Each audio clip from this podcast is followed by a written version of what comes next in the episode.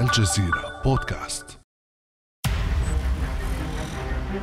من باريس انطلقت شرارة الإساءة للنبي الكريم فوحدت الشعوب العربية والإسلامية في مشهد احتجاجي بلغ ذروته في الدعوات لمقاطعة المنتجات الفرنسية.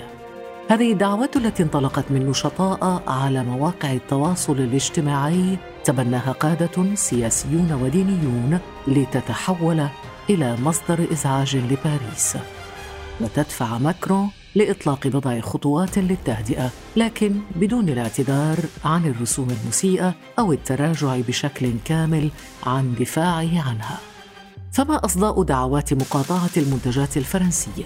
وكيف تواجه فرنسا هذه الحملة؟ ولماذا لم تتحمس بعض الأطراف العربية للمقاطعة واصطفت إلى جانب فرنسا؟ وما الجدوى من هذه الحملات؟ وما حدودها؟ ما آفاقها؟ هل هي رد مناسب أم واجب ومن باب الضرورة لا غير بعد أمس من الجزيرة بودكاست أنا خديجة بن جنة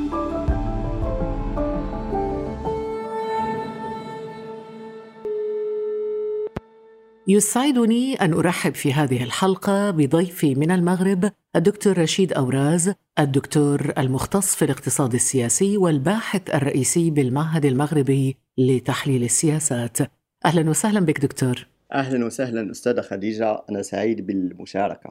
دكتور رشيد قبل الحديث عن حملة مقاطعة المنتجات الفرنسية الأخيرة حبذا لو أشرنا بعجالة إلى المقاطعة بوجه عام كسلاح سياسي واقتصادي. متى يكون هذا السلاح فعالا برأيك؟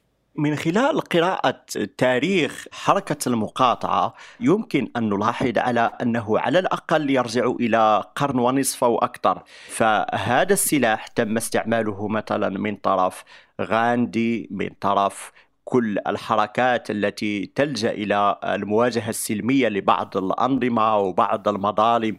وغاندي نفسه استلهم هذه الفكرة من المفكر الأمريكي المعروف هنري ديفيد ثورو الذي كتب عن عدم الطاعة. وبالتالي فالمقاطعة كسلاح استعملت كثيرا خلال الفترات الاستعمارية من طرف بعض المنتجات لمقاطعة المستعمرين. ثم خلال القرن العشرين أو النصف الثاني من القرن العشرين استعمل هذا السلاح حتى داخل بعض المجتمعات بعض الدول لمقاطعة بعض الأنظمة السياسية وإلى غير ذلك.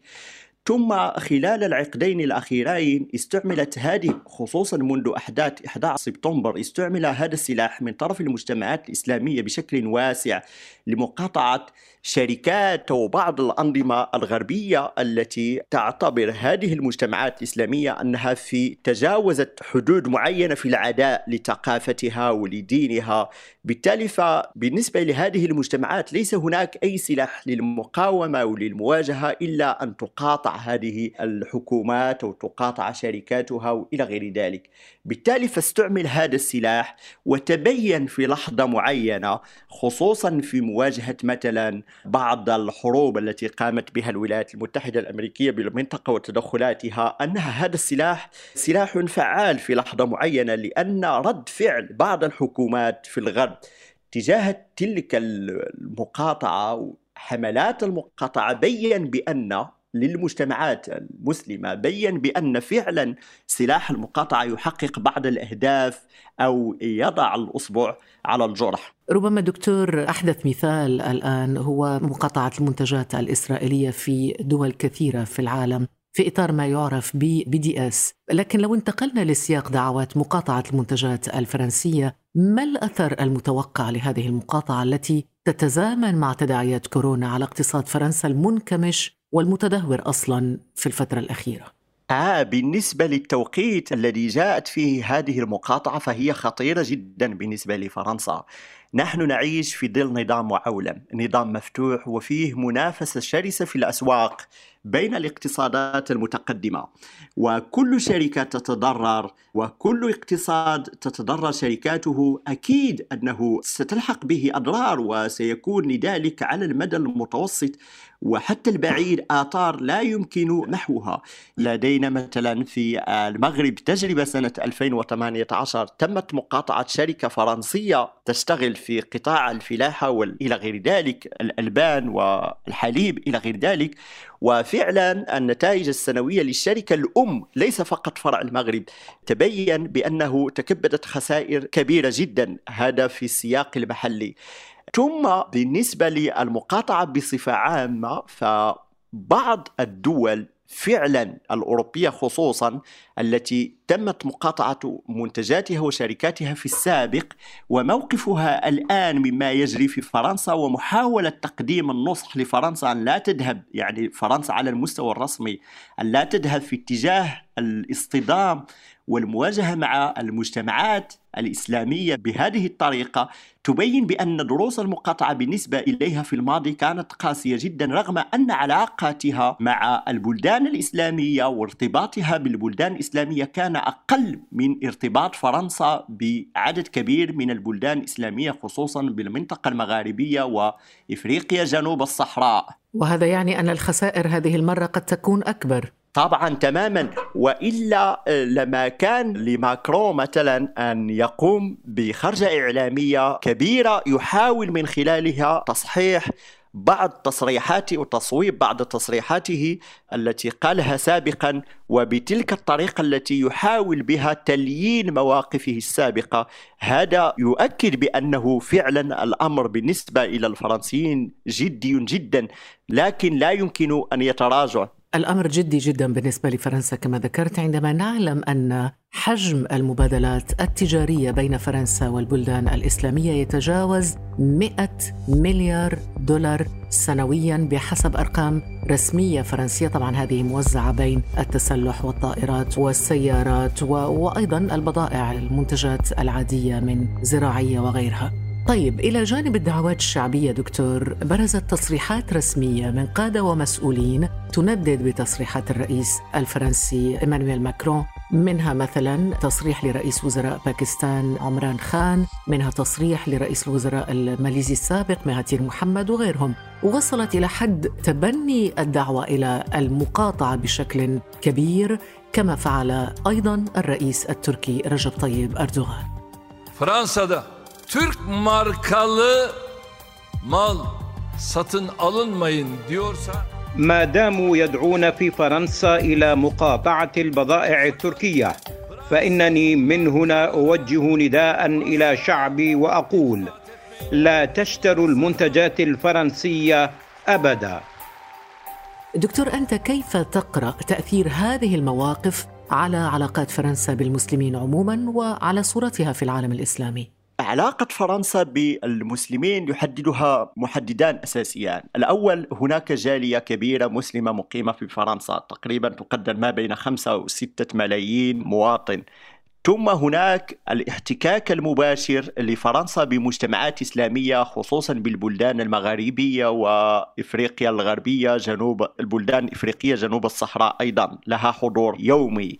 خلال السنوات الأخيرة والعقدين الأخيرين هناك ما يمكن أن أسميه باستفاقة متأخرة في ضمن هذه المجتمعات ضد الإرث الكولونيالي الفرنسي.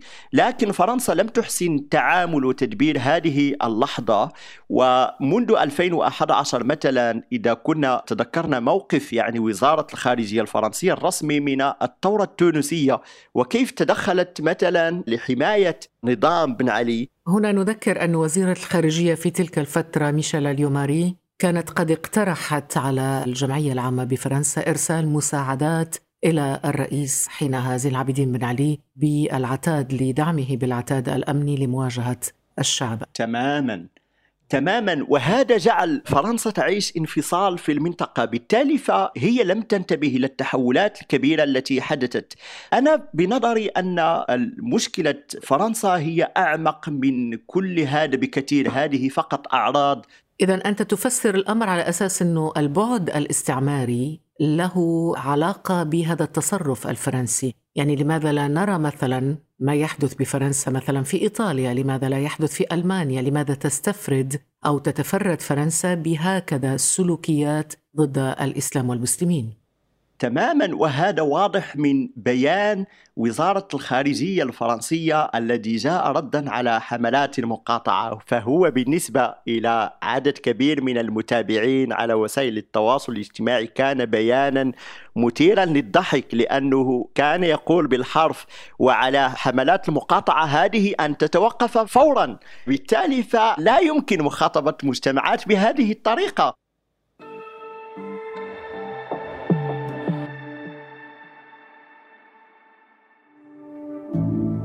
خطوة بسيطة وسهلة ليصلك البودكاست في الصباح الباكر كل يوم. ابحث فقط عن بعد أمس في تطبيقك الصوتي وفعل زر الاشتراك لتصلك الحلقات يومياً.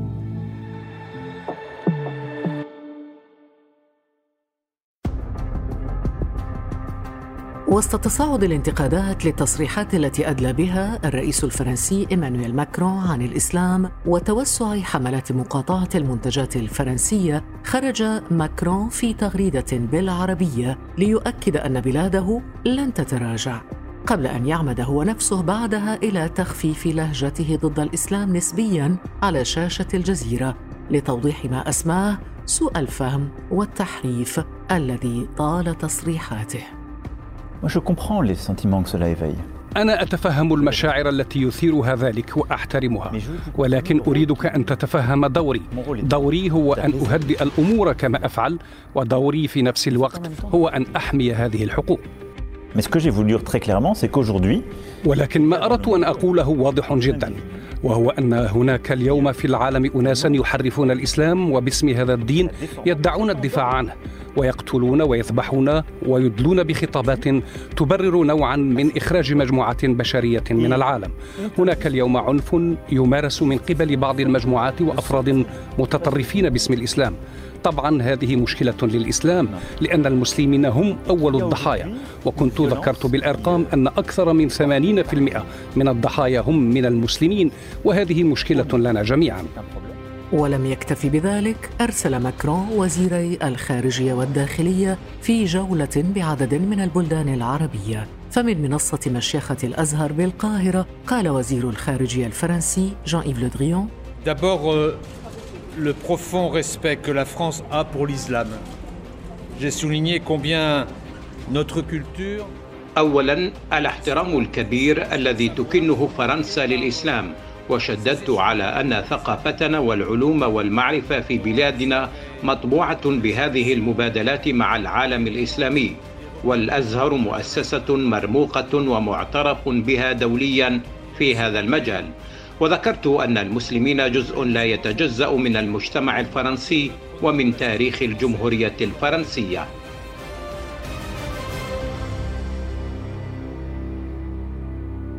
إذا دكتور رشيد ربما التهدئة هذه المرة كانت هي عنوان السياسة الفرنسية برأيك لماذا تراجعت فرنسا عن لهجتها المتشددة ولو نسبيا؟ هل كانت حملات المقاطعة هي الدافع وراء ذلك؟ طبعا لأن حملات المقاطعة في وقت قصير وصلت مدى كبير جدا وبالتالي فرنسا ربما أعتقد أنها تفاجأت بموجة المقاطعة التي تجاوزت المنطقة المغاربية إلى بلدان إسلامية آسيوية إلى بلدان إفريقية تعيش لحظات من مواجهة الفرنسي بالمنطقة. بالتالي فلم يتبقى للرئيس الفرنسي خصوصا وأيضا مجموعة من الإعلاميين والمثقفين الذين يحاولون أن يسيروا في نفس النهج. لم يتبقى لهم إلا أن يحاولوا تهدئة الأوضاع. بالتالي فهم الآن اصطدموا بشارع في المجتمعات الإسلامية وهذا الشارع منذ عقد تقريبا من مميزاته أنه يتجاوز الأنظمة بالمنطقة. لكن هل برأيك دكتور رشيد هذا التراجع هو تراجع تكتيكي أم مبدئي؟ هو تراجع تكتيكي لأن المعضلة الفرنسية معضلة معقدة جدا فرنسا لديها نظام علماني تدخلي. يعني فرنسا دولة يعقوبية مركزية ودائما منذ الثورة الفرنسية إلى اليوم تعيش على تدويب الأقليات وتدويب سواء كانت أقليات دينية أو ثقافية لغوية إلى غير ذلك تدويبها في ثقافة باريس والضواحي. وبالتالي فهذا النوع من الدولة سيصطدم بأي ثقافة وافدة. دكتور في سياق حديثنا عن هذا التراجع الفرنسي إن كان مبدئيا أو تكتيكيا لابد أن نشير إلى ما صرح به الرئيس الفرنسي إيمانويل ماكرون لمجلة Le Grand Continent قال إن بلاده لن تغير من موقفها ومن حقها في حرية التعبير فقط لأنه هذا الموقف يثير صدمة في الخارج. وأبدى الأسف للدعم الدولي الخجول لفرنسا نسبيا بعد الهجمات الأخيرة على بلاده. كيف تحلل أنت هذا الموقف؟ هذا التصريح بالذات يؤكد ما ذهبت إليه. الموضوع أكبر من فرنسا. وإذا انتبهت أستاذة خديجة لتصريحه قال بأن بلادي يعني هو الآن هو فصل بين شخصه هو وموقفه هو وموقف الدولة والنخب والبيروقراطية الفرنسية. هذه أكبر من ماكرون. قد يكون ماكرون يعبر عنها عن مواقفها يتماهى معها ولكن هي أكبر منه. هذه البيروقراطية التي هو وجدها هي أكبر منه وهي تختلف عن البيروقراطية الإنجليزية والأمريكية. في الكونغرس الأمريكي هناك نساء مسلمات وهناك محجبات. الأمر أيضا في بريطانيا مختلف. هناك عمدة أهم مدينة والعاصمة جاء من بلد إسلامي. هذا لا يمكن أن يحدث في فرنسا لأن فرنسا لديها حساسية مفرطة تجاه ممكن الأديان ولكن كل الثقافات المختلفة التي تأتي إليها. فرنسا تريد أن تقوم بصهر الجميع. ربما دكتور رشيد من أقوى ردود الأفعال الإسلامية رد الفعل الباكستاني الذي ذهب إلى حد طلب إصدار تشريع برلماني من البرلمان الباكستاني بطرد السفير الفرنسي من البلاد وعدم إعادة السفير الباكستاني إلى باريس وأيضا مقاطعة المنتجات الفرنسية بشكل رسمي. كيف ترى هذا الموقف؟ بالنظر إلى الأزمات التي تعيشها هذه المجتمعات في ظل الوضع الوضعية التي خلقها وباء كورونا على الصعيد العالمي، نحن مقبلون على أزمات اقتصادية شديدة التعقيد تخلق قلاقل اجتماعية. إذا وضع ماكرون وفرنسا هذه الأزمة الجديدة على الطاولة فالأكيد أنها ستغذي نزوعات التطرف بعدد كبير من المجتمعات. وعلى حكومات هذه المجتمعات أن تتدخل لإيقاف هذه الحجرة أو كرة الثلج هذه التي تتدحرج الآن قبل أن تكبر. فرنسا بطريقة غير مباشرة تشجع التطرف ليس فقط بالبلدان الأوروبية ولكن أيضا بالعالم الإسلامي لأنه إذا لم ترد هذه الحكومات على هذه التصرفات سيفهم وكأن هناك تواطؤ بينها وبين فرنسا وأنذاك سيخلق ذلك ضغطا هائلا على هذه الحكومات قد يؤدي إلى تنامي موجة تطرف ستكون فرنسا بطريقة غير مباشرة مسؤولة عنها. لهذا بعض الحكومات تحاول أن تنقذ ماكرون لأنه بهذه التصرفات بهذه التدخلات قد يراجع ماكرون موقفه وقد تراجع فرنسا موقفها وأن يتم إيقاف هذا قبل أن تبلغ الأمور يعني مستوى عالي من التوتر. لكن دكتور رشيد هناك من يقول في المقابل انه المقاطعة صحيح انه فعل أخلاقي وسياسي ومطلوب أكيد كرد فعل ولكن هو ليس مؤثر بشكل كبير بدرجة كبيرة على الأرض لأنه في النهاية الاقتصاد الفرنسي هو اقتصاد قوي ولا يتأثر بمقاطعة يعني محلات ومجمعات تجارية مثل كارفور ومونوبري وغيره من المقاطعات التي نشهدها اليوم في الدول العربية والإسلامية. أنت كيف تقيم هذه الرؤية؟ لا طبعا هذه لا تعرف درجة تأثير المقاطعة على الشركات الخاصة والشركات المصدرة بمجرد إلحاق أضرار بها لمدة بضعة أسابيع أو بضعة أشهر سيكون لذلك تأثير على محاسبتها لسنوات. ثم هذه الشركات العابرة للحدود التي تعيش على تصدير منتجاتها في حاجة إلى أن تكون صورتها جيدة دائما في البلدان التي تصدر إليها منتجاتها. الملاحظ أن بعض المؤسسات الدينية والإعلامية الرسمية أو القريبة من السلطة في بعض الدول العربية مثل مصر والإمارات والسعودية لم تبدي حماسة كبيرة لحملات المقاطعة بل إنها تواصلت مع باريس ضد من أسمتهم المتطرفين. ومن هنا نتساءل ربما دكتور عن خلفية هذه المواقف والمصالح الكامنة وراءها. هي مواقف مبنية على مصالح ضيقة لهذه الأنظمة. هي بصراع مع جماعات إسلامية مع تيارات الإسلام السياسي وبالتالي تعتقد بأن انحيازها إلى جانب فرنسا سيجعل منها يعني أن هذا هو الموقف السليم لكن بتقديري هذا موقف خاطئ تماما لأن فرنسا لن تستمر في دعم مثلا هذه الأنظمة إذا وصلت إلى مستوى لن تستطيع أن تحميها من السقوط أو من الزوال. ثم هناك شيء مهم وهو أن ماكرون الآن يحاول من خلال كل هذه الجلبة التي يحدثها خدمة مصالحه الانتخابية للانتخابات القادمة سنة 2022 وإذا لم يبقى هناك ماكرون ربما قد يأتي رئيس جديد ربما قد يكون من اليسار قد يكون آه، أقل تطرفا فيما يخص هذا الموضوع. بالتالي فأنت ستكون قد فوتت على نفسك على الأقل أن تكون منسجما يعني مع التطلعات الاجتماعية داخل البلد كأنهم يخدمون مصالح وأجندة انتخابية لشخص بعيد بمئات أو آلاف الكيلومترات عنهم. هناك ربما هذه مسألة يجب أن نشير إليها بعض الدول الأخرى وأنظمة أخرى نددت بالمنطقة نددت بما قامت به فرنسا وحاولت تانية فرنسا أن تذهب في هذا الاتجاه. أعتقد بأنه موقف أكثر صوابية من موقف الدول الثلاثة التي ذكرت أستاذة خديجة.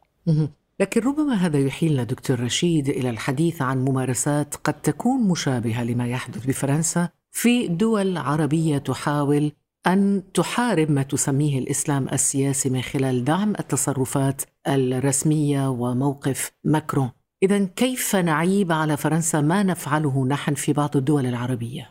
نحن نعيب أو من يعيبون ذلك على فرنسا ينطلقون من مبدأ أن فرنسا هي بلاد الأنوار هي دولة ديمقراطية هي بلاد الحريات هي بلد الثورة الفرنسية. المفترض فيها أن تكون في تدبيرها لهذا الشأن أبعد بسنوات ضوئية على الأنظمة القائمة في المنطقة.